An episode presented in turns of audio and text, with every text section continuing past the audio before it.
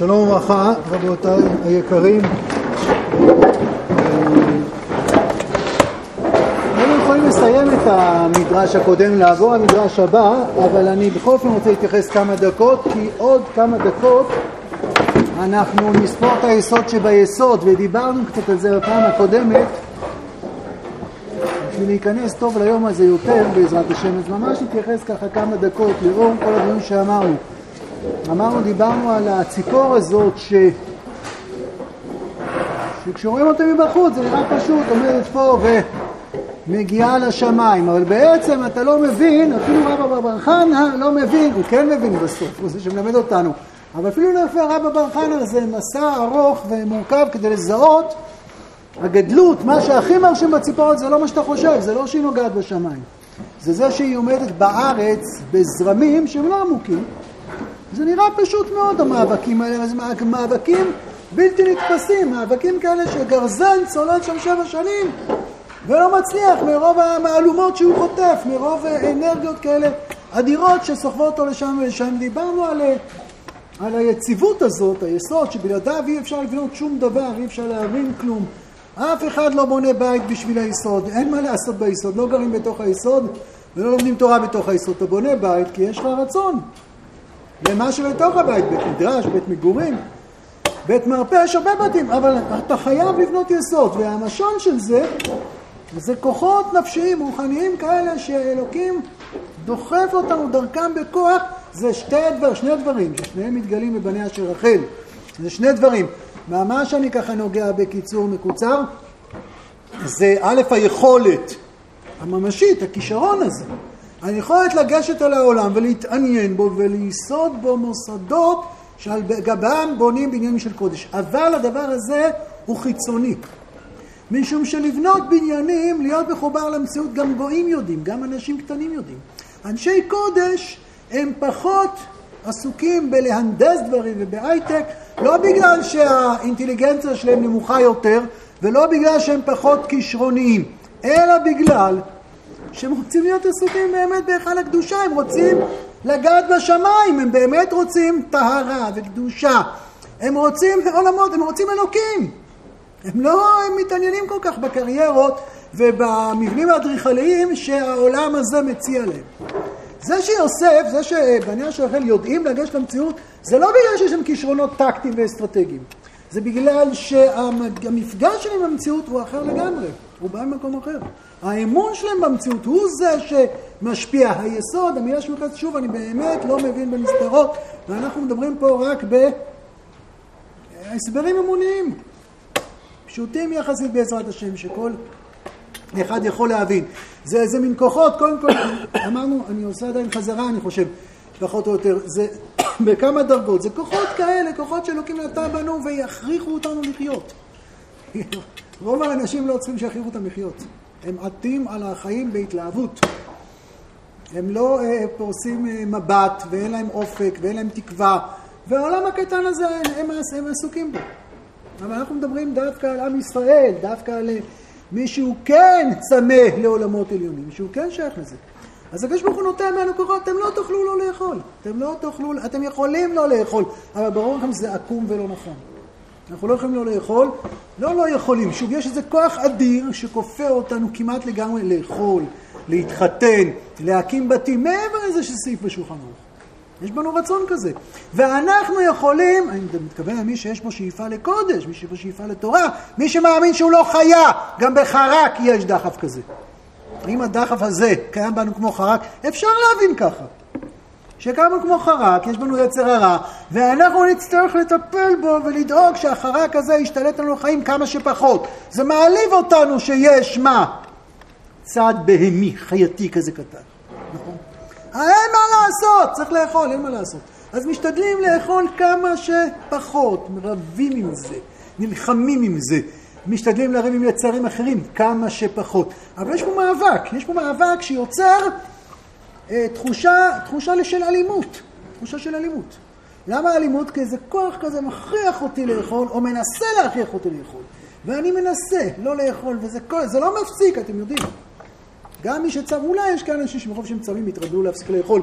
יכול להיות, יש מחלות נפש כאלה, יש אנורקסיות. אני לא מדבר על מחלות נפש, אני מדבר על שקיקה לקודש. הוא לא מפסיק, הוא כל הזמן בא לבקר. אפשר להסתכל על זה כמו איזה נודניק, אפשר להסתכל על זה כמו ניסיון, כמו אלוקים רצה דווקא לעשות לך נראה אם תצליח. אבל המבט על היסוד, זה שחז"ל קוראים לזה יסוד, זה מבט אחר לגמרי, יסוד זה משהו חשוב, יסוד זה משהו עצמתי. אז יש כמה רמות של מאבק. קודם כל חייב להיות ניצחון, אי אפשר לקחת את הכוח הזה ובמקום לבנות על המגדלים להרוס איתו את החיים. אם אני לא פועל אותו נכון, אם אני נכנע לו, גם כוח האכילה וגם כוח ההולדה וגם יצרי קיום אחרים וגם הרצון לתשומת לב, הם כוחות שאם אני לא משתמש בהם נכון, אז הם, הם, הם מאמללים אותי, הם משפילים אותי, הם משפילים אותי מאוד. אחד המאבקים הגדולים נגד כוח ההולדה זה לא רק להחזיק מעמד מולו, זה, זה התחושה שהוא יוצר בקרב אה, כמעט כולם, משום שההתמודדות היא, היא, היא, היא חס וחלילה אה, במעשה, אבל היא גם בדיבור וגם במחשבה. וכשאנחנו נכנסים לקרבות האלה, יש קרבות, יש מלחמות, וגם כשאתה מצליח מלחמות, במלחמות יש פצועים והרוגים. ואז התוצר הוא, הוא, עלבון פנימי כבד. תחושה של השפלה פנימית ותהייה עד כמה יש בי באמת צלם אלוקים ועד כמה התורה אמיתית לי. אדם הוא זה שיודע לב מרת נפשו והוא יודע מה מתחולל בתוכו והוא יודע מול מה הוא נאבק והדימוי העצמי שלו, אני חושב שבית מדרש, אחד המאבקים הכי גדולים זה מאבק אה, שקט, זה מאבק אה, שלא צריך לצרוח אותו בקול גדול, אבל זה מאבק שגם לא רואים אותו, זה נראה צפור מגיע השמיים, ומי שמסתכל מה נראה לו שמים נמוכים, המים האלה נמוכים, אבל לשמור על הטהרה שלי, לרצות לשמור על הטהרה שלי, אתה יכול ללמוד גמרא ואתה יכול להתלהב משיעורי אמונה, אבל בסוף הדבר המכוער הזה בא לבקר, ואתה אומר, נו אז מה, אז, אז גם אם ניצחת, אבל אתה לא, גם הצבא הכי טוב בעולם, פתאום הייתה לו חדירה, ופתאום היה לו מאבק, ולמה בכלל תוקפים אותי כל הזמן? מאיפה זה מגיע. אז אפשרות ראשונה זה להסתכל בתור משהו כזה אה, לא טוב, וצריך להיאבק בו. אפשרות שנייה יותר, שזה משהו טוב בשליטה, זה משהו עיוור, הוא חשוב, וצריך לשלוט בו בצורה נכונה. הגמרא אומרת כמה מקומות, אה, אה, יחס ליצר הרע, למשל, אם פגע בך מנוול זה מושכהו בבית המדרש. דיברנו על זה לא מזמן. סתום, אנחנו מדברים על הגמרות האלה הרבה. אם פגע בך מנוול זה מושכהו לבית המדרש. מנוול זה, אתם יודעים מי הכוונה המנוול. יש לו הרבה פרצופים, אבל אנחנו תמיד יודעים שהמנוול זה יצר הרע. אז היה צריך להיות, אם היה פגע בך מנוול זה מה? תברח לבית המדרש. אבל לא כתוב תברח לבית המדרש, כתוב מושכהו לבית המדרש. קח אותו איתך. למה לקחת אותו איתך איתי? כי הוא ואני זה אותו אחד, מה פגע במנוול זה? חושב שמישהו איזה איש קטן בא לפתות אותי, להסית אותי. זה צדדים שקיימים בתוכי. אבל המדרש מציג את זה איזה מאבק פנימי ביני לבין מי שאני לא רוצה שהוא יהיה אני, אבל הוא פגע בי. הוא פגע בי במובן ש... שמה? שנפגש איתי. לפגוע במישהו זה... להיפגע, הוא פגע בי, הוא מעליב אותי, הוא מצייר אותי, בטח שהוא מצייר אותי. אז אני לא בורח ממנו, אני מושך אותו לבית המדרש. ושם מה קורה לו בבית המדרש? עם אבן הוני מוח עם ברזל הוא מתפוצץ. הוא עובר תהליכים, משום שהמבט היותר עמוק על יסוד הוא הבנה של מה? שיסוד זה כוח אלוקי. נכון? אמרנו, אנשים לא רוצים להתלכלך, אז בלי עצר הם לא היו אוכלים. דיברנו על זה קצת בפעם הקודמת. אז אפשר להבין, אין מה לעשות, אין מה לעשות. בשביל לבנות העולם צריך להסכים להתלכלך. אין מה לעשות. אתה רוצה לשפץ את הבית, אתה חייב להסכים שיהיה אתר בנייה. אתה חייב להסכים שיהיה אבק ורעש ופועלים. אין מה לעשות. אבל אין מה לעשות זה אמירה אומללה. אין מה לעשות, זו אמירה של כניעה. אין מה לעשות, זו אמירה שבסופו של דבר עלול שלא להיות בה אמון, במה? בזה שהשם אחד ושמו אחד, בזה שהעולם הוא כן קדוש. זה גורם לנס, לרצון לברוח מהחיים, אבל אי אפשר לברוח מהחיים. אם אתה בורח מהחיים אז אתה את עצמך מתקן. את העולם אתה לא מתקן, אתה פה יכול לבנות איזה פינות קטנות נניח שאתה אולי תיקן, אולי לא. אז אפשר להסתכל בזה בתור אילוץ, הסתכלות של אילוץ היא יכולה ליצור תוצרים יפים נקודתיים, אבל בפנים, בפנים, בפנים הייאוש שולט, משום שהייאוש אומר, אין מה, מה זה אין מה לעשות? זה כמו אם היה מה לעשות הייתי עושה אחרת. באופן אמיתי אנחנו מאמינים שיוסף, יוסף הוא הצדיק. הוא הצדיק לא רק בגלל שהוא מתמודד נגד אשת פוטיפר, זה לא סתם שאשת פוטיפר דו, פגעה דווקא פה. כי יוסף הולך למצרים בכל הכוח, בטח שהוא הולך בכל הכוח. הוא לא נתקע כי פה ננסה לשרוד משהו, מה פתאום, הוא בבית פוטיפר עד הסוף. הוא משקיע בבית פוטיפר. ומתפקד אותו, וכל אשר יוסף עושה, השם מצליח בידו. במה הוא עושה? מה הוא עושה? מה זה מעניין אותי בכלל בית פוטיפר? מה אכפת לי ממנו? למה שהוא ישקיע שם? יעשה את העבודה שלו, ובשאר הזמן ילך וינסה לחזור על סוגיות שזוכרים מבית אבא. אבל יוסף יודע, כמו שהקדוש ברוך הוא, כמו שהקדוש ברוך הוא אמר, אני לא אגיד את המשפט שרציתי להגיד עכשיו, אה, יוסף יודע שהשם שם אותו שם. יוסף יודע שהשם שם אותו שם. שכל המכירה הזאת היא לא מקרית, והיא לא, היא, היא נעשתה אולי מתוך טעויות, ולפעמים מתוך אה, אכזריות של אנשים, ומתוך דברים איומים ונוראים. התוצאה הסופית שהוא פה, והוא לא יהיה עסוק ב... בואו ננסה להתעלם מאיפה אני. אז אני בבור, אז אני בבית פוטיפר, אז אני אכלתי אותה. בואו ננסה להתעלם. אני אתן לעולם הזה קצת יזרוק לו את המס שאני חייב לצאת ידי חובה, ואני אבנה לי בונקר פנימי כזה, עולם פנימי, שאני אטום, אטום. ואני עושה את מה שאני צריך. לא, יוסף לא אומר את זה. יוסף אומר, אלוקים פה בעולם הזה, ואנחנו נמצאים פה בעולם הזה. יש סיבה לעולם הזה, אני לא יודע למה אני פה. יוסף היה שמח מאוד לא להיות בית פוטיפר. אם הוא יצליח לצאת משם, הוא יצא משם. אבל הברירה הזאת, כל היא לא קיימת. אני כאן. ואם אני כאן, אני בגדול כאן. אלוקים כאן. כשיוסף, כשבניה של רחל ניגשים למציאות, הם ניגשים למציאות מתוך אמונה שלכתחילה צריך לבנות המציאות. הם לא כלכלנים יותר טובים, והם לא מדענים יותר טובים, והם לא מצביעים יותר טובים, ולא מהנדסים יותר טובים, ולא פוליטיקאים יותר טובים מכל שאר אנשי הקודש. הם, הקדושה שבהם, ההדרכה הנשמתית, ההובלה הנשמתית של בית המדרש שלהם, זה התפקיד שלהם, זה אמון שהקדוש ברוך הוא מבקש את זה מאיתנו. לכן הם מפנים, הם מתעלים את כל הכוחות האלה שלהם שם. מלאי הבנה כזאת, ש, שזה... אה, אה, זה, זה, זה, זה, זה המבוקש האלוקי, לכן אני בית פוטיפר, אז אני אשקיע בבית פוטיפר. ואחרי זה אני בבור, בבור, הוא בבור, באמת בבור, בבור אותו. זה הייאוש, והוא משקיע בבור, אין שר בית השר יודע מה הוא הכל, גם הוא מפקיד הכל. מה צריך לתקתק? מה אכפת לך איך נראה בית השר במצרים? אלוקים שם אותי שם, אם אני יכול לצאת, אם אני יכול לברח, אני אברח. אבל הוא לא מחורבל כל הזמן, משובלל במחשבות אומללות כאלה, כמה רע לי, כמה אני מסכן, מתי אני יכולה לברוח. אלוקים שם אותי פה, הוא רוצה, יש לי סיבה שאני פה. והבהמות האלו, שר המשקים ושר האופים, הגסים והמכוערים האלה מספרים לי חלומות. אז אני משקים, הם לא סתם סיפרו לי חלומות. יש סיבה להם סיפרו לי חלומות. היחס היותר עליון, היחס שאליו אנחנו מקווים, זה יסוד כזה, פירושו של דבר זה כוח אלוקי שבאמת דוחף אותי לחיים, זה לא להתלכלך, אתם יודעים, זה לא להתלכלך. לאכול זה לא להתלכלך.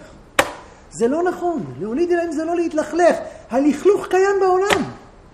בתוך כל תפוח יש לכלוך, אתה לא נוגע בו, אז הוא נשאר נקי. בטח. הלכלוך קיים בעולם, הלכלוך הוא תופעה כזאת שהמוכנות להיפגש עם הלכלוך היא מוכנות לסלק את הלכלוך מן העולם. כשאתה אוכל אתה בעצם מברר את הטוב שבתוך התפוח, הוא נראה שלם, יש בו דברים שהם לא בריאים, וזה מה שאחר כך יהיה לכלוך. אז אתה מראה את זה, אתה מבדל, אתה שואב את הטוב, אתה מגלה אותו. זה לא איזה מחיר כזה שבלית ברירה אנחנו מוכנים לשלם. אנחנו לא מוכנים לשלם. אנחנו נמצאים בתוך עולם מלוכלך, גם אם לא נתלכלך. אז אתה יכול לפרוס מסכים ולא לראות את זה.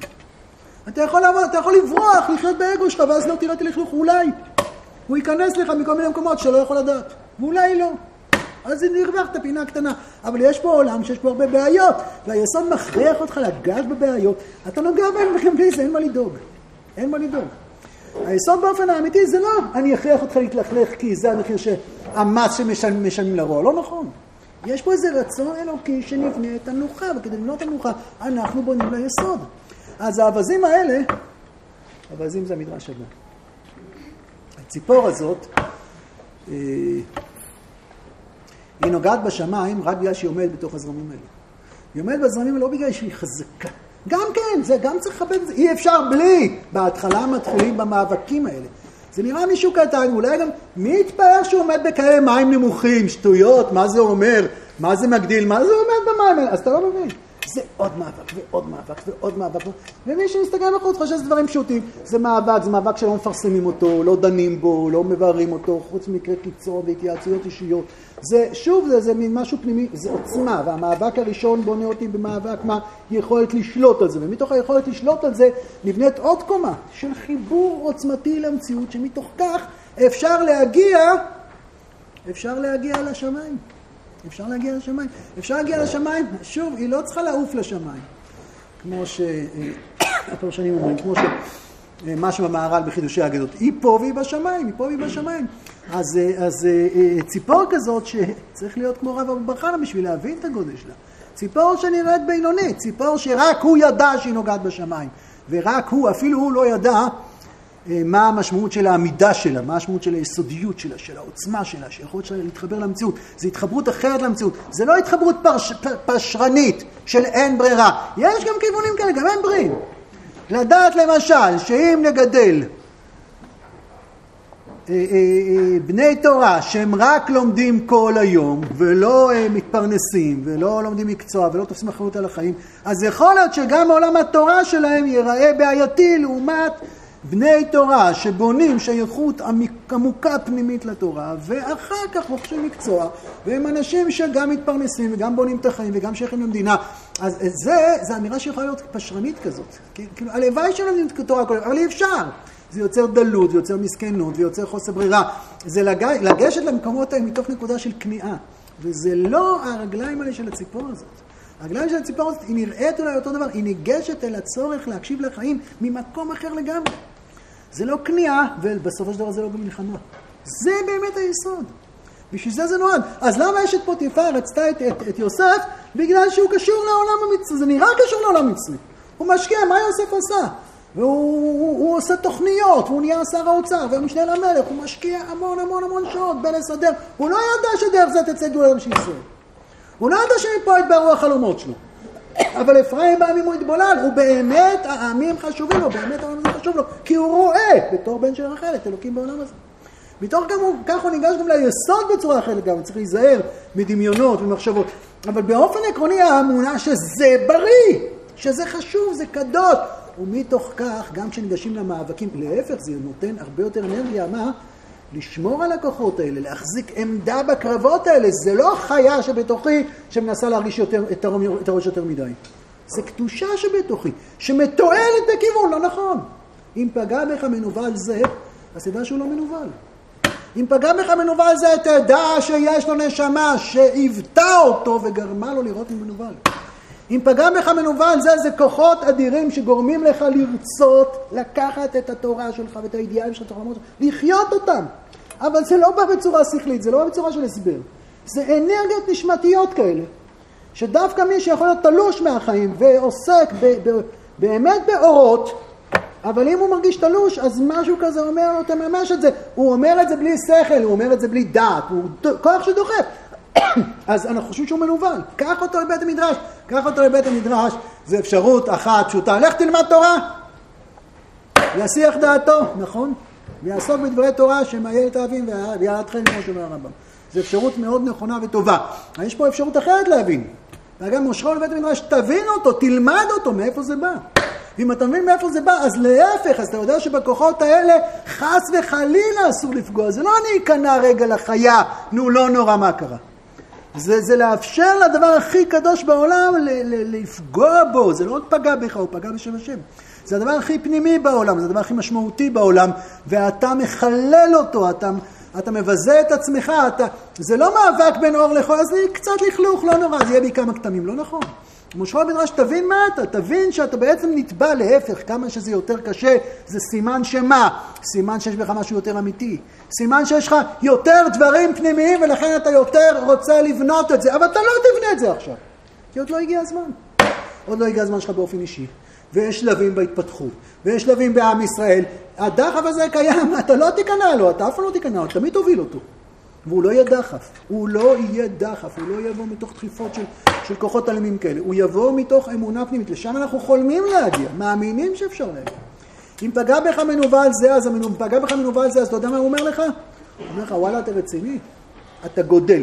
אם אדם מפנה ליבו לבטלה, ואדם חושף את עצמו לדברים שהוא לא צריך לחשוף את עצמו, אז אף אחד מהמנוול לא פגע בך, אתה פגעת בו.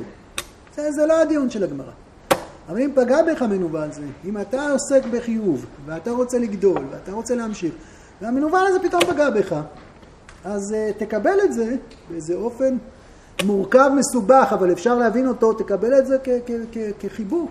תקבל את זה, הבנה, אתה, יש פה דברים רציניים, צריך לבנות להם בית. יש בך באמת מחשבות פנימיות, חלומות אמיתיים, אנחנו לא מסכימים, האמת המשפטית לא מסכימה שזה שער מנותק. אז איך זה בא? זה בא לפעמים בצורה מאוד מכוערת, זה בא באיזה תאווה, אה, שלוחת רסן חייתית, אבל אתה מפספס. תנטרל, תלמד מי זה באמת, תלטש את היהלום שנראה כל כך מסרב, ואתה לא תיתן לו מוצא כל עוד אי אפשר לתת לו מוצא, נכון? זה דוחף אותך להיות מחובר לחיים. אתה תהיה מחובר לחיים. חכה, אני אשב פה עוד הרבה שנים, ואני עוד אעמיק בתורה, ואני לא הולך עכשיו לממש את זה. וגם כשאני מממש את זה, אני אבנה בעיקר את המהות ולא את היסוד. אבל היסוד הזה תמיד אומר לך, גדל, גדל, גדל. האווז הזה, לא האווז, אני טועה עוד פעם, סימן שצריך להגיע לאווז כבר. אז אני, הברווז, אני לא יודע איך לקרוא לו. אז, אז, אז הוא קורא לנו אה, אה, אה, לא רק אה, אה, פגע בך אויב, אז יש לי תוכנית הגנה. אם יש התקפת טילים, אז ניכנס לחדר האטום. זה לא מה שקורה לבית המדרש. גם זה הקומה שאסור לזלזל בה, כן? לפעמים גם צריך להיכנס לחדר האטום, בוודאי, בוודאי. וצריך לשים הגנות, וצריך לשים סינונים, וצריך, בוודאי, בוודאי, כל זה נכון וטוב. אבל במובן העליון, לאן פונות עינינו? מה? זה יסוד כזה, כזה, שעם יסוד כזה, זה היסוד שלו, זה לא רק עמוד בטון, זה אלוקים עומד ברגליים של הציפור הזאת. שם הוא נמצא. ואז כשיש כאלה רגליים, ששום זרם שבעולם לא יזיז את המילימטר מהמקום שלהם, אז באמת הראש שלה מסוגל להגיע לשמיים, ואנחנו, בעזרת השם, נמשיך למדרש הבא, למסע הבא של רב בר חנה, שעוזב את הים ועובר למדבר. רק נדפדפה.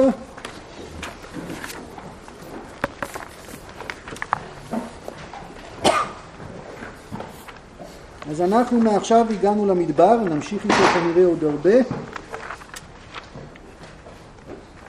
ואמר רבא בר חנא, זימנה חדה וכאזינה במדברה וחזינן אנו אבזה. האווזים, ברווזים, לא יודע בדיוק את ההבדל. דשמתי גדפיו משמניו וקנגדה נחלה דמשכה מיתותיו אמינא להו אית לי חלק בגבייכו או אית לי בגבייכו חלקה לעלמא דעתי חדא דלי לי גדפה וחדא דלי לי אטמא. כי אטה לקמא דרבי אלעזר אמר לי עתידין ישראל ייתן עליהן את הדין. אומר הרשב"ם. נשלב את התרגום לעברית שלי מרשב"ם. אמר רבא חנא פעם אחת הייתי הולך במדבר וראיתי את אותם אווזים דשמתה גדפיו משמניו. שמתה גדפיו אומר רש"י, רשב"ם נופלת נוצה שלהם מרוב שומן. נופלת נוצה שלהם יש פה שתי אפשרות להסביר, נכון? או ש... נתלשת, הנמצא שלהם, או שהיא סרוחה על הקרקע מרוב אה, שומן. אתם יודעים, ככה הסבירו לי, אני לומד את זה עם קבוצה של אברכים, הסבירו לי שיש ממלאים אה, כריות ושמיכות בנוצות של אווזים, כי כנראה הנוצות של האווזים, בגלל שהן גם אה, עופות מים, יש להן תכונה שדוחה שומן, יש להן תכונת בידוד מאוד מאוד טובה. אז הם, יש בהם יש בהם שומן בנוצות, זה מה שהסבירו, ולכן המים לא יכולים לחדור אותם, לא יכולים להרדים את הנוצות, אחרת אה, מי שנוצות שלך טוב ורטובות לא יכול אה, לעוף באותו רגע. אז אולי בגלל זה הוא לקח את האווזים, אולי מסיבות אחרות שניגע בהם עוד מעט. בכל אופן, הנוצות שלהם מרוב שומן, או, ש, או שהנוצות זה הנוצות, או שהנוצות זה הכנף. וזה גם יכול להיות, כי הרבה פעמים מדברים על נוצה בתור כנף. ויש שתי אפשרות, נראה בהמשך את ה... איך יסבירו אותם. אה, ומתחתם וקנג דנחלה דמשכה יש נחלים של שומן או של שמן, משכה זה שמן, מתחתם, נמשכים. מרוב שהם נוטפים שומן האווזים האלה, אז יש אה, מסילות כבר. אמ, אמרתי להם, יש לי חלק איתכם לעולם הבא, ככה הוא שואל את האווזים האלה, אז הם לא דיברו, האווזים האלה הם אווזים שתקניות, אחת הרימה לו כנף ואחת הרימה לו ירך, אטמה. אומר הרשב"ם, דרי כאן, הגביה לי כנף רמז, רמז, זה חלקך לעתיד לבוא. אתה תקבל את הכנף לעתיד לבוא, תקבל את הירך לעתיד לבוא. אנחנו עוד לא כך מקבלים, מבינים את הרמז, אנחנו מבינים שיש לו חלק. ורבי אלעזר אמר לי, עתידין ישראל ייתן עליהם את הדין. הוא סיפר את זה רבי אלעזר, עתידין ישראל. למה עתידין ישראל ייתן עליהם את הדין? אומר הרשב"ם, שבחטאותם מתעכב משיח, ויש להם צער בעלי חיים, בעלי חיים לאותם אווזים מחמת שומן המסכנים האווזים האלה. יש להם כל כך הרבה שומן. ואם עם ישראל כבר היה מביא את המשיח, אז מה היה קורה? אז לאווזים האלה לא היה כל כך הרבה שומן. זה המדרש. ננסה בעזר השם קצת אה, לנסות להוביל אותו פנימה. אז, אה, אז המהרש"ם מתחיל מה שרבים אחרים ממשיכים אחריו. באמת ראיתי את זה בכיוונים רבים, שאווזים זה, זה רמז לחוכמה.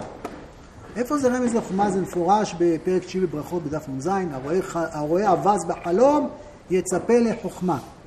ויש כמה פעמים בחז"ל שמתייחסים אחד לשני בכינוי אווזים. אנא קקה חיברה, למשל, בכתובות.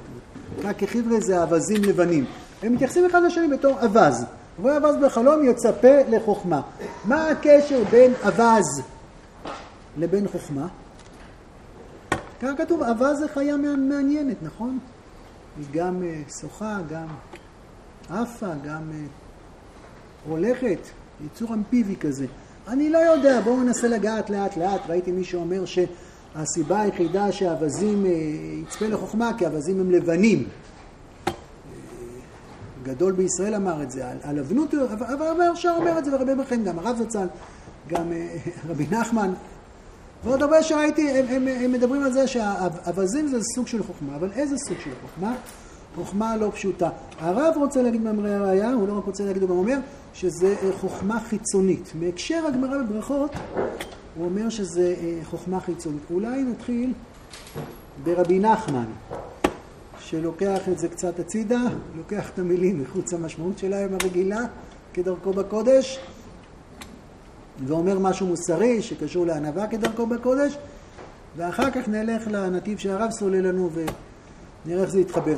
אז אה, רבי נחמן אומר על הנוצה, שם תגדפי ומרום שומן, על הנוצה שלהם, הנוצה זה מלשון אה, מצה ומריבה, כי ינצו שני האנשים יחדיו.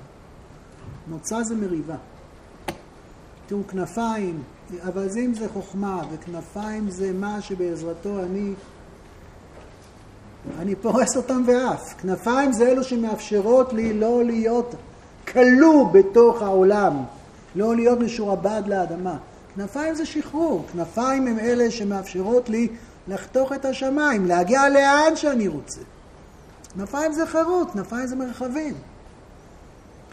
ויש כאלה שיש להם כנפיים, כנפיים אה, אה, רציניות מאוד, אבל אה, אני אגיד רבי נחמן, אז אני אגיד דבר שאני אומר דרכו בעזרת השם. ורבים איתם, מציקים להם. תלמידי חכמים כאלה, שיש בהם הרבה הרבה חוכמה, אז uh, מציקים להם, והם, uh, שם תגדפיו. שם תגדפיו, הכוונה, הם לא מוכנים להיכנס לקרבות האלה. הם לא מסכימים. הם, uh, הם נותנים לזה להחליק. הם אומרים, עזוב אותי, אני לא שם. אני אנסה uh, לקחת את זה למקום קצת יותר פנימה. כשיש לך כנפיים אמיתיות, אמיתיות. התורה יכולה להעניק לך כנפיים, אם אתה רוצה, אם אתה שואף להיות משוחרר, לגעת בשמיים, אז התורה יכולה לתת לך כנפיים, באמת. וכשאדם מקבל כנפיים, אם אני מבין טוב את רבי נחמן, זה לא מפורש בו, אם אני מבין טוב את רבי נחמן, אני לוקח את זה עד רבי נחמן, אז יכול, יכולים להיווצר סכנות. בכל גודל יש מורכבות. והמורכבות הזאת שהכנפיים שלך, אתה פורס אותם ואתה מביט על העולם מלמעלה ויש לך בשורה לאנושות. כולם מחוברים לקרקע ואתה למדת לפרוס כנפיים ואתה בא עם האור שלך לעולם ואתה מספר להם שיש לך כנפיים. ואם אין לך כנפיים, נכון, אם מישהו ייצור איזה מישהו ימציא פטנט שלכל אחד כנפיים אישיות. סודר, נכון מתאים? צריך לסדר קצת נתיבי תחבורה. כולם ייקחו את הכנפיים האלה מהר. ברגע שאתה ממציא איזה מכשיר חדש, מחיר סביר, אז זה מתפשט על פני כל העולם, ברור. אז אנשי רוח אמיתיים, אנשי קודש אמיתיים, מרגישים לפעמים, כשיש להם בשורה גדולה, כן, שבאמת הם קיבלו כנפיים, הם uh, באים באהבה גדולה אל עמו ישראל, ויש ציפייה שמה? שיגיבו אליהם כמו שמגיבים למי שמחלק כנפיים. במחיר זול יחסית. אם יש לי כזה אור גדול, באמת זה הרים אותי לשמיים, אז כולם צריכים ללכת איתי. ולתדהמתם מתברר לפעמים שאנשים רואים את הכנפיים, רואים יישר כוח וממשיכים הלאה. וזה לא יכול להיות. זה לא יכול להיות. אני אתחיל דווקא בדוגמאות שהן לא בעולמות של קודש, בסדר? נתחיל בדוגמאות להבדיל, באמת להבדיל, אני אגיד לכם להבדיל. אתם רואים הרבה פעמים אנשים גאוני עולם, לא בקודש. הרב זצ"ל אומר בכלל שהאווזים האלה זה לא, אה, שהאווזים האלה זה לא חוכמות קודש, זה מדעים. מדעים במובן האקדמי שאנחנו מכירים. נראה כמה נספיק להגיע לרב זצ"ל. ואתם רואים תופעה כזאת של אנשים שהגיעו לפריצות דרך לפעמים מאוד מאוד גדולות בתחומים אקדמיים, שהם הם, הם, מבחינה פוליטית למשל, מדברים כמו אנשים הזויים. לפעמים רדיקלים קיצוניים כאלה בכל מיני תחומים, אנשים שקיבלו פרסי נובל, ואנשים שהגיעו לחידושים גדולים, או אנשים שמפורסמים במדע, הם פתאום מתחברים לטרוריסטים, ופתאום מגבים כל מיני, יש כל מיני יהודים כאלה, אתם יודעים שהם בולטים בתחום המדעי ופתאום נוסעים לתמוך בחיזבאללה. ו... אתה אומר, הוא כזה גאון, הוא כזה אדיר בתחום מסוים שלו, ופתאום בתחומים האחרים אתה רואה לפעמים מלא קצף וזער וזלזול, זה הרבה פעמים נגזר מזה שמסתכלים עלינו מלמעלה, בצדק. בתחום מסוים מסתכלים עלינו מלמעלה. מסתכלים עלינו מלמעלה, וכשהעולם לא מריע, קורע ומשתחווה, חילק פרס, אמר יישר כוח, אז נוצרת איזו מצוקה כזאת, איך כולם לא הולכים אחר, איך כולם לא מקשיבים לי. איך כולם לא מקשיבים לי. יש אה, מין תחושה כזאת, פיתחתי כנפיים, איפה כולם? עכשיו אני עוזב אותם, ולהבדיל, עובר לפעמים גם בית המדרש. אנשים מרגישים שהם גילו את האור. יש להם איזו תורה גדולה כזאת. תורת החסידות, או גוון מסוים בחסידות, לא משנה, אם מישהו חסיד נאמן, הוא באמת מרגיש שנתנו לו כנפיים, וואו!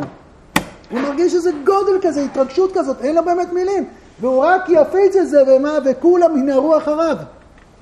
ולפעמים לא כולם נוהרים אחריו. למרבה התדהמה. שוב, אם זה היה כנפיים אמיתיות, מה זה כנפיים? אנחנו באמת יכולים לעוף. אנחנו מתבעים לעוף. אני מזכיר לכם הרבה שהרם במורה הנבוכים אומר, אין לך אדם שלא מבקש לעוף. אין. גזירת הכתוב של הרמב"ם. עכשיו, אם לא רציתם עד עכשיו, מעכשיו תהיו, אבל רציתם עד עכשיו, אל תדעו. זה מפחיד לעוף, אבל אנחנו רוצים איזשהו מקום לעוף. אם באמת מישהו נותן לנו פתרון אמיתי לעוף, אם מישהו ימכור לי כנפיים בחמש מיליארד דולר, זה לא רציני, אם המחיר בשביל כנפיים יהיה כבד מדי, זה לא, זה כנפיים לא אמינות שמרסקות אותם, זה לא. זה פיתוחים. אנחנו נותנים, מייצרים ברכה לעולם, ולפעמים העולם לא מגיב במחיאות כפיים. לא מגיב במחיאות כפיים. למה? למה? כי הכנפיים שלנו עוד מאוד לא מספיק מפותחות. זה כיוונים של כנפיים. זה הווה אה, אמינות, זה גרעינים שצריך עוד לפתח אותם הרבה. זה חשוב, אבל המילה כנפיים הייתה קצת בומבסית מדי. כשבן אדם מרגיש שהוא פיתח כנפיים, והעולם לא מגיב כלפיו בהתלהבות הראויה, אז הרבה פעמים, או יש חשש, לא הרבה פעמים, זה לא כל הרבה פעמים, יש חשש שמה? שמה? שהוא ייכנס לנוצה הזאת שרבי נחמן דיבר עליה. שבמקום להראות לכולם את הכנפיים, הוא יתחיל להסביר לכולם למה כולם לא טובים. יש חשש כבד כזה, כן. דווקא אצל מי שמה? שיש לו אהבה מן של כנפיים. מי שאין לו כנפיים, מי שהוא מביא את הברכה שלו, הוא רוצה להוסיף טוב לישראל, הוא רוצה להיות משמעותי, הוא מוצא את הפינה שלו, מביא ברכה, הוא מעולם לא ציפה שכולם ינערו אחריו בהתלהבות גדולה, אז הוא גם לא עסוק בלהסביר, אין קושיות למה לא כולם נערו אחריו. אבל מי שחושב, מי שמרגיש ככה, מי שדמיין ככה, שהוא ומרגישים ככה. אתם רואים, חסידים התנהגו לרבותיהם. באמת, הבעל שם טוב. הבעל שם טוב זה... זה אור העולם הבעל שם טוב. זה ענקיות, זה, זה נשמה עליונה כזאת. זה תורה אדירה כזאת ששינתה כל כך הרבה. אבל הוא עדיין כנראה לא כל הכנפיים. זה נוצה חשובה בכנפיים. נוצות חשובות בכנפיים. מי אני? הבעל שם טוב זה שבועות, זה יום הולדתו אנחנו מתקרבים. הבעל שם טוב באמת זה... כולנו מלא אהבה והערצה, זה אחת הנשמות הגדולות ביותר שהופיעו בהיסטוריה של עם ישראל, אבל אני מניח שתלמידה, איך יכול להיות שמישהו לא תלמידה לתנועת החסידות? ולא רק שמישהו לא יצטרף לתנועת החסידות, בא בעל כנפיים גדולות, ואני לא משווה בין תלמידי חכמים, בא הגר"א שבאמת הוא היה הנשר הגדול ללכת כנפיים, והוא החרים את החסידות. הוא החרים את החסידות. זה בטח יוצר הלם. מה?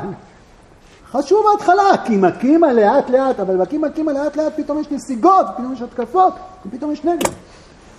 אז כשנוצרות התגובות האלה, אז כדי שהכנפיים שלנו יהיו באמת כנפיים, שוב אני בינתיים צועד בשביל שרבי נחמן סולל פה, כדי שהכנפיים שלנו יהיו אמיתיות, אנחנו, יש לנו אינדיקציה מאוד מאוד רצינית. אם אנחנו מתחילים להיכנס לכיוון הזה של הנוצה, אנחנו עסוקים עכשיו בנוצות, בנוצות במובן מריבות.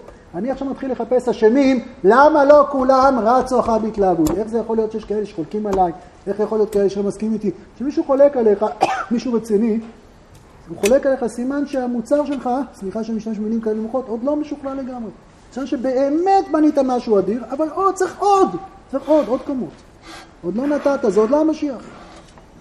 ומתי קראתי מה כשיפוצו מנותיך החוצה, אבל מנותיך הם פנימיים, צריך לגדל אותם, צריך להוסיף עליהם עוד מעיינות אחרים. כמה שמעו את זה כנראה מהמשיח, לא רק הבעל שם טוב. והסכנה הכי גדולה, הסכנה שאנחנו נדחפים אליה, זה, זה כש, כשלא, כשלא מתלהבים ממני, אז, אז למה לא? למה לא? ויש סכנה שנחפש הסברים למה הוא קטן מדי ולמה הוא לא בסדר. יש הסברים שנהיה עסוקים עכשיו במה? במקום בלהבין שאנחנו צריכים לגדול עוד יותר. יש שתי אפשרויות שלא כולם מתלהבים מאיתנו. מה? אפשרות אחת היא לגדול עוד יותר, ועוד יותר ועוד יותר. ובינתיים מה? לשמוח בחלקנו. הכנפיים של עם ישראל יש בהם הרבה נוצות. הגוף הלאומי טל בנוי מהרבה איברים שהנשמה תלויה בהם. זה לא בא להקטין אותנו, לא בא לזלזל בנו. אנחנו זוכים לתורה הגואלת, האהובה עלינו, היקרה לנו, שבלעדיה חיי אינם חיים. אבל העולם כנראה זקוק לעוד הרבה. יש כאלה שזקוקים, כולם חייבים לתורה הגואלת, אבל יש כאלה שזקוקים להם בתעשייה ובמדע ובהרבה תחומים וגם בהלכה וגם בתחומים של קודש. אז זה לא מקטין את האושר שלי, את האור שלי, את מסירות הנפש שלי, את השמחה שלי, את ההכרה בשליחות שלי, שהיא שייכת לתורתו של הרב זצ"ל. בטח, בטח. בוודאי לי שמר יבוא כשיפוצו מעיינותיו של הרב זצ"ל חוצה. זה פשוט לי בעצם חיי. אבל זה לא, אם, אם זה לא קורה בשנייה, עם ישראל לא, אז זה בונה בשני דברים. א', כנראה שאני צריך לגדול. כנראה שצריך להעמיק עוד יותר ולברר עוד יותר. לא יוצר סימני שאלה על הדרך, ולא אולי טעינו, ולא, אז יש פה כל כך... אלא הצורך להתעמק עוד יותר פנימה, ולגדל בתוכי קרבת אלוקים יותר עילאית, להפוך את ה... את ה כמו שמשכללים, נכון? במוצרים אב טיפוס, דור ראשון, דור שני. יותר ויותר עד שבסוף לאט לאט זה באמת יצליח, ואז ממילא. ובינתיים, עוד אולי שם כיתוב. כשה, כש, כשמה שהצלחנו לגדל לא מצא אטומו, הסכנת הנוצה הזאת של רבי נחמן היא מתבקשת, היא נמשכת, זה, זה רובץ. ואז אתה רואה לפעמים דווקא אצל גודל, אתה רואה פתאום התקפיות כזאת. יש חשש כזה לפחות, שצריך להיזהר בו מאוד. חשש כזה שעוסק דווקא אצל גדולים, דווקא אצל אנשים שאנחנו מעריצים אותם באופן עקרוני, צדדים שאנחנו מעריצים בעצמנו. להתחיל להסביר, אנחנו, רבי נחמן אומר שה, שאנחנו חייבים להישמר בכל מאודנו מזה. זה, זה שימשכו מתחתנו נחלי שמן, זה שלא רק הנוצה שלנו תהיה של שמן, אלא שמן זה חוכמה, שמן זה המנורה בבית המקדש. זה שנהרי נחלי שמן יימשכו מתוכנו, זה בזכות השתיקה שלהם. זה בזכות זה שהם לא עונים, זה בזכות שהם לא עסוקים, לא כשתוקפים אותם ולא כשהם תוקפים אחרים. שיתקפו אותנו. שיתקפו אותנו. איך הגמרא אומרת, הנעלבים ואינם עולבים, שורים חרפתם ואינם משיבים, עושים מאהבה ושמחים בייסורים. מפורסמים דברי רבי זלמן מוולוז'ין, אח של רב חיים, נכון בספר תולדות אדם, הם נעלבים, ועוד איך נעלבים, ולא עולבים. הם שומעים חרפתם, זה ודאי חרפה, זה ודאי פוגע בהם. הם לא עשויים מדיקט, הם לא בלוקים. כן, זה פוגע, זה מצער אותם מאוד, מאוד זה מצער אותם. הם חשבו שהבשורה שלהם תהיה יותר גדולה והם חשבו שהם ישנו ופתאום מתברר שהמפעל שלהם הוא לא כמו שהם חשבו וזה צובט אותם עמוק בלב אבל הם לא עסוקים בלהשיב, הם לא עסוקים. הם נורא אולי רוצים להיות עסוקים, והם מוצאים מתוכם העבודה המידותית הזאת שרבי נחמן מדבר עליה, היא לא עבודה מידותית, זה לא תהיה חזק, תשאירים, תצליח. לא, זה, זה, זה היטהרות, זה הזדככות, זה הקשבה להשם. האווזים האלה, שיש להם כנפיים, יש להם איזה שפע גדול, ויכול להיות שעתידי ישראל ייתן להם את הדין. כי לא הקשיבו להם, ולא עסקו בהם, ולא השתמשו בברכה שלהם. אבל הם לא עסוקים עכשיו בלהגיד, אתם תחטפו את הדין. ולא אתם תשלמו את זה ביוקר. הם רוצים להיות יותר אה, אה, אה, אה, נביאי ברכה ממה שהם יכולים. עכשיו אני חוזר מתוך רבי נחמן ל... שתמיד יישאר... תמיד יישאר? במציאות? כן, תמיד יהיה התנגדות. למי יהיה התנגדות? לנצח? עץ יהודה ועץ יוסף והיו לאחדים מידיך, יבואו ימים שרחל ולאה. אנחנו קוראים עליהם בשבועות עוד מעט, נכון? שנשות בית לחם, שהן בניה, שבנותיה של לאה, אומרות לבועז, ייתן השם את האישה הבאה אל ביתך כרחל וכלאה, הקדימו את רחל לאה אשר בנו שתיהם את בית ישראל. אה, קודם כל, תמיד יהיה אה, ויכוחים ובירורים, אני מקווה. כל עוד יהיה לנו שכל, אני מקווה שנחשוב איתו. כל עוד יהיה שכל, מקווה שנשאל שאלות ונעמיק בהן. אבל נוצות לא יהיו. אנשים ניצים זה מתאים למצרים. נוצות, שנאה, קפידה, ביקורת, קטרוג, תחרות. אה, זה ימות המשיח, שיעבוד מלכויות, היכולת של גר זאב עם כבש. ויכוח זה מבורך, שאלות זה מבורך, מה אנחנו עושים כמובן בבית מדרש? מעיינים, שואלים, רוצים להביט, היכולת לשאול היא פתחי השערים למה שבעומק, מי שלא שואל שאלות, מי שכל דבר מדקלם, אז הוא אה, מפספס את כל האוצרות של מה שטמון בפנים. אבל רבי נחמן מדבר לא על אה, בן אדם שלא אה, מתווכח עם אחרים, הוא מדבר בן אדם שעסוק באמת שלו. וזה שרבים איתו זה מעליב אותו מאוד, זה פוגע בו מאוד, אבל, אבל הוא לא מוכן להיגרר לשם, לעתיד לבוא, אנחנו מצפים לימים. ש, שישראל מכוונים את ליבם, ליבם שבשמיים, ש"ויחן ישראל כנגד ההר", כאיש אחד בלב אחד, שבטח כשאנחנו מתכוונים לשבועות, אנחנו רוצים לגעת בזה, אנחנו כולנו מאב אחד אנחנו. אז זה שהוויכוחים הם מתנהלים תוך, תמיד יהיה רחל ולאה, אני לא חושב שפעם, אה, עץ, שמעתי פעם אה, הרב חנן פורת זצ"ל על אה, הנבואה של יחזקאל, שלקחת את עץ יהודה ועץ יוסף והיו לאחדים בידיך, אז הוא הסביר את זה, הוא היה קצת קיבוצניק חקלאי. אז הוא הסביר שיש הרבה עצים שהם, שהם נותנים פרי, אבל הגזע שלהם, החיבור לאדמה שלהם הוא חלש. ויש עצים, למשל הדרים. הדרים הם עצים שנותנים הרבה הרבה פרי, אבל הגזע שלהם הוא לא יודע לנהוג טוב.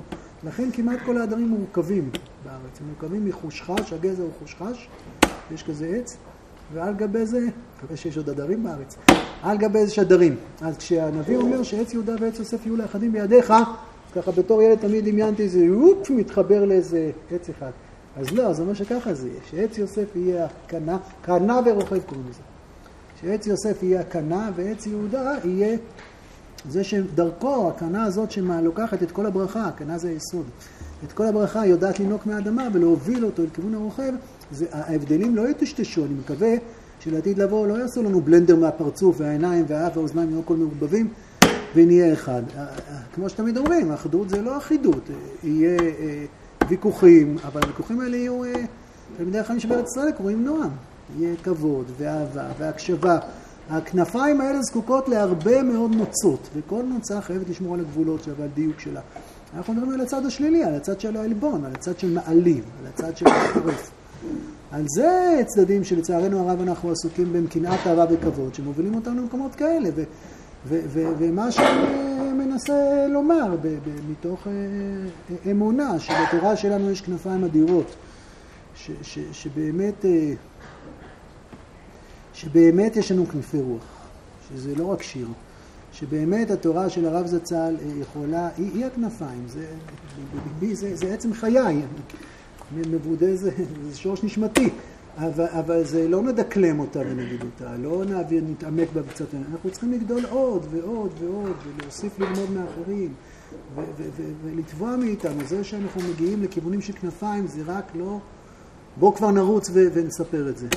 זה. אולי נרוץ ונספר, אבל אם זה הולך לאט לאט, אז זה מספר לנו משהו, זה מספר לנו ש... צריכים עוד לגדול ולהקשיב עוד לאחרים. להקשיב עוד לאחרים לא, לא בשביל לטשטש את עצמי בשום אופן, בשביל להעצים את עצמי, בשביל להעשיר את עצמי, בשביל לגדל את עצמי. אז האווזים האלה של רבי נחמן, רבי נחמן יודע מה הוא מדבר. רבי נחמן סבל אה, אה, אה, אה ביזיונו בלי סוף, בלי סוף. לחמו בו וביזו אותו וקיללו אותו אפילו. צדיקים, כן. אני לא אזכיר פה שמות. אבל אה, אה, דמויות על, והוא אה, עם התורה שלו שתק ושתק ושתק, ומאות שנים אחרי שהוא הסתלק, מתברר שהוא כל כך לא הסתלק, מתברר שהיהודי הצעיר הזה שכל כך הרבה רדפו אותו, שמת בקיצור ימים, והוא לא כתב כמעט מילה אחת בחיים, זה אחרי מותו, תלמידיו שקיבצו, מתברר שהתורה שלו חיה וקיימת. שוב, אני לא קורא לעצמי ברסלבר, אבל, אבל ברור שברסלב זה נוצה בתוך הכנף. הנוצה שלי... היא הרבה יותר מרכזית. אומר כל אחד כנראה, אבל אני באמת חושב שהמצע שלי בוודאי בחיים מרכזית. ואם אתה עסוק בנוצה להסביר, הנוצה שלי, הנוצה שלו, אז אתה תקוע. אז עתידים ישראל ייתן להם את הדין, על זה שאנחנו נלחמים בהם. יש הרבה בעלי כנף שאם היינו יודעים לא לריב איתם, אם היינו יודעים לתת להם את המקום, היינו יודעים להקשיב אותם, אז, אז הצער בעלי חיים זה, זה שחלק גדול, מ, חלק גדול מזה שאנחנו לא קונים את המוצר, זה בגלל שיש לי מוצר משלי, למה שאני אקנה מוצר שלך?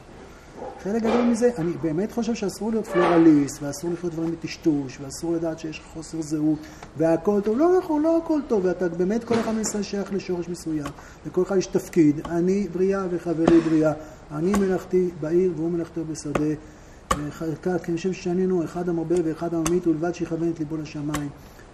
זקוקים לכולנו, כל אחד ברכתו יביא מאיזה מקום. אשרי מי שגדל בתורה ועמלה בתורה, ועמלו בתורה, אשרי מי שהתורה שלו אוהבת את עם ישראל ומאמינה בעם ישראל. אשרי עם ישראל שיש בו בנים כאלה, שהתורה שלהם רק יוצרת אמון הרבה יותר עמוק בעם כולו, עם הסיבוכים, עם המורכבות.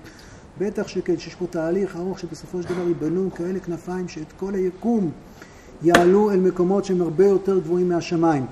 אבל האינדיקציה, אני חושב שרבי נחמן אה, נותן לי אינדיקציה איך, איך אני לא אהיה קטן. אה, אה, גם מה עוסמני עושה כשפוגעים בי, כשתוקפים אותי. אם אתה רוצה שתחתיך יזרמו נחלי שמן, זאת אומרת אם אתה רוצה שהברכה שלך תהיה ברכה ללא מצרים, אז תשתוק כשפוגעים בך. אם אתה, פוג... אם אתה פוגעים בך, לצערנו הרב נגיד כמעט תמיד, וסימן שאתה מביא ברכה. אנחנו עם גדול, אנחנו עם שכל יהודי חושב שהוא צריך לתקן את העולם. אם הוא למד תורה, אז הוא יוצא דרך התורה. ואם הוא לא למד תורה, אז הוא חייב להיות ראש ממשלה, והוא חייב להיות מיליארדר, והוא חייב ל... הם, הם כובשים היהודים את הכל. את פרסי נובל, ואת המדעים, ואת האומנויות, ואת הכלכלה, ואת הפוליטיקה. הם בכל מקום... אה, אה, מאיפה הם? הם באחוזים בלתי אה, נתפסים בכלל בכל התחומים. יש בהם איזה דחף יהודי בנשמה שלו מרגיש אם הוא יהיה במאי או איש תקשורת או, או, או עושה שטויות, הוא יהיה חייב להצטיין, לו איזה משהו כזה שהוא מבשר בשורה. כל יהודי, בתת מודע שלו איזה מין משיח כזה שחייב, חייב, חייב לפרוץ קדימה. ובתי המדרש, דווקא בתי המדרש, זה, זה מתועל לכיוונים הנכונים, האמיתיים. יש בו איזה גודל כזה, אדיריות כזאת, ובית מדרש אמיתי וגדול מרגיש שהוא מביא בשורה לעולם, הוא באמת מביא בשורה לעולם. ורבי נחמן אומר לנו שאם אנחנו רוצים שהבשורה שלנו תהיה יותר עליונה, יותר גדולה, אם אנחנו רוצים להשתייך לגודל יותר גדול, לא שיושפעו ממני, שיהיה מה להיות מושפעים ממני, אז תשמור את הכנפיים, תעביר אותה, תחליק אותה, על אחת כמה וכמה שמה, שלא תגדל נוצות, שלא תלך לתקוף אחרים. צריך להגיד לפעמים זה טמא וזה טוב, בטח. צריך שיגידו דברים בצורה מאוד חריפה. אם זה רעל, זה רעל. אבל חלילה, בלי הנוצה, בלי ה... כן, לפעמים אפשר להגיד, הרכב הזה גרוע, אם תעשה להם תוך כך חולה ימות, צריך גם לזעוק את זה בתוקף. נכון? אם אני רופא ואני חושב שיעשו לי טיפול כזה, החולה ימות, אני אצרח את זה גם. ואני לא חושב שמדובר פה באדם עלוב, ולא חושב שמדובר ברופא רוצח. וגם אלה שיקשיבו לי, ברור לכולם ששני רופאים שאוהבים אחד על השני, אז אף אחד לא חושב שהוא באמת רוצח. אולי הוא יקרא לו, אתה תהרוג את החולה, אבל הוא לא רוצח, הוא לא איש מאפיה. ברור שכולם רוצים להחיות את החולה, וברור שאתה חושב שאני לא מבין משהו. זה המריבות של תלמידי החכמים, ככה אני ראיתי מריבות של החכמים, ככה אני אה, שימשתי אותם, ככה אני פגשתי אותם, אבל אתה רואה, ואם אתה מקבל את זה קטן, אז הוא צעק על ההוא שהרופא הזה הוא רוצח, הרופא הזה הוא הורג. אז זו מחשבה רדודה, זה הכי פשוט להיות עסוק בנוצות האלה, ובשביל מה להיות עסוק בגדלות, בשביל מה להיות עסוק בכנפיים, יש פתרון יותר קל, אני פשוט יכול לקחת מהם את ה... את מה שנראה כמו אה, אה, נוצות. ו... אנחנו בעיקר לא נותנים מוסר לאף אחד, אני משתדל בעיקר לתת מוסר לעצמי, וככה אני רואה דברי התורה, באים לתת לי כוח, הם באים לספר לי איך אני מתייחס כשאנשים מדברים לא יפה עליי, על הישיבה שלנו.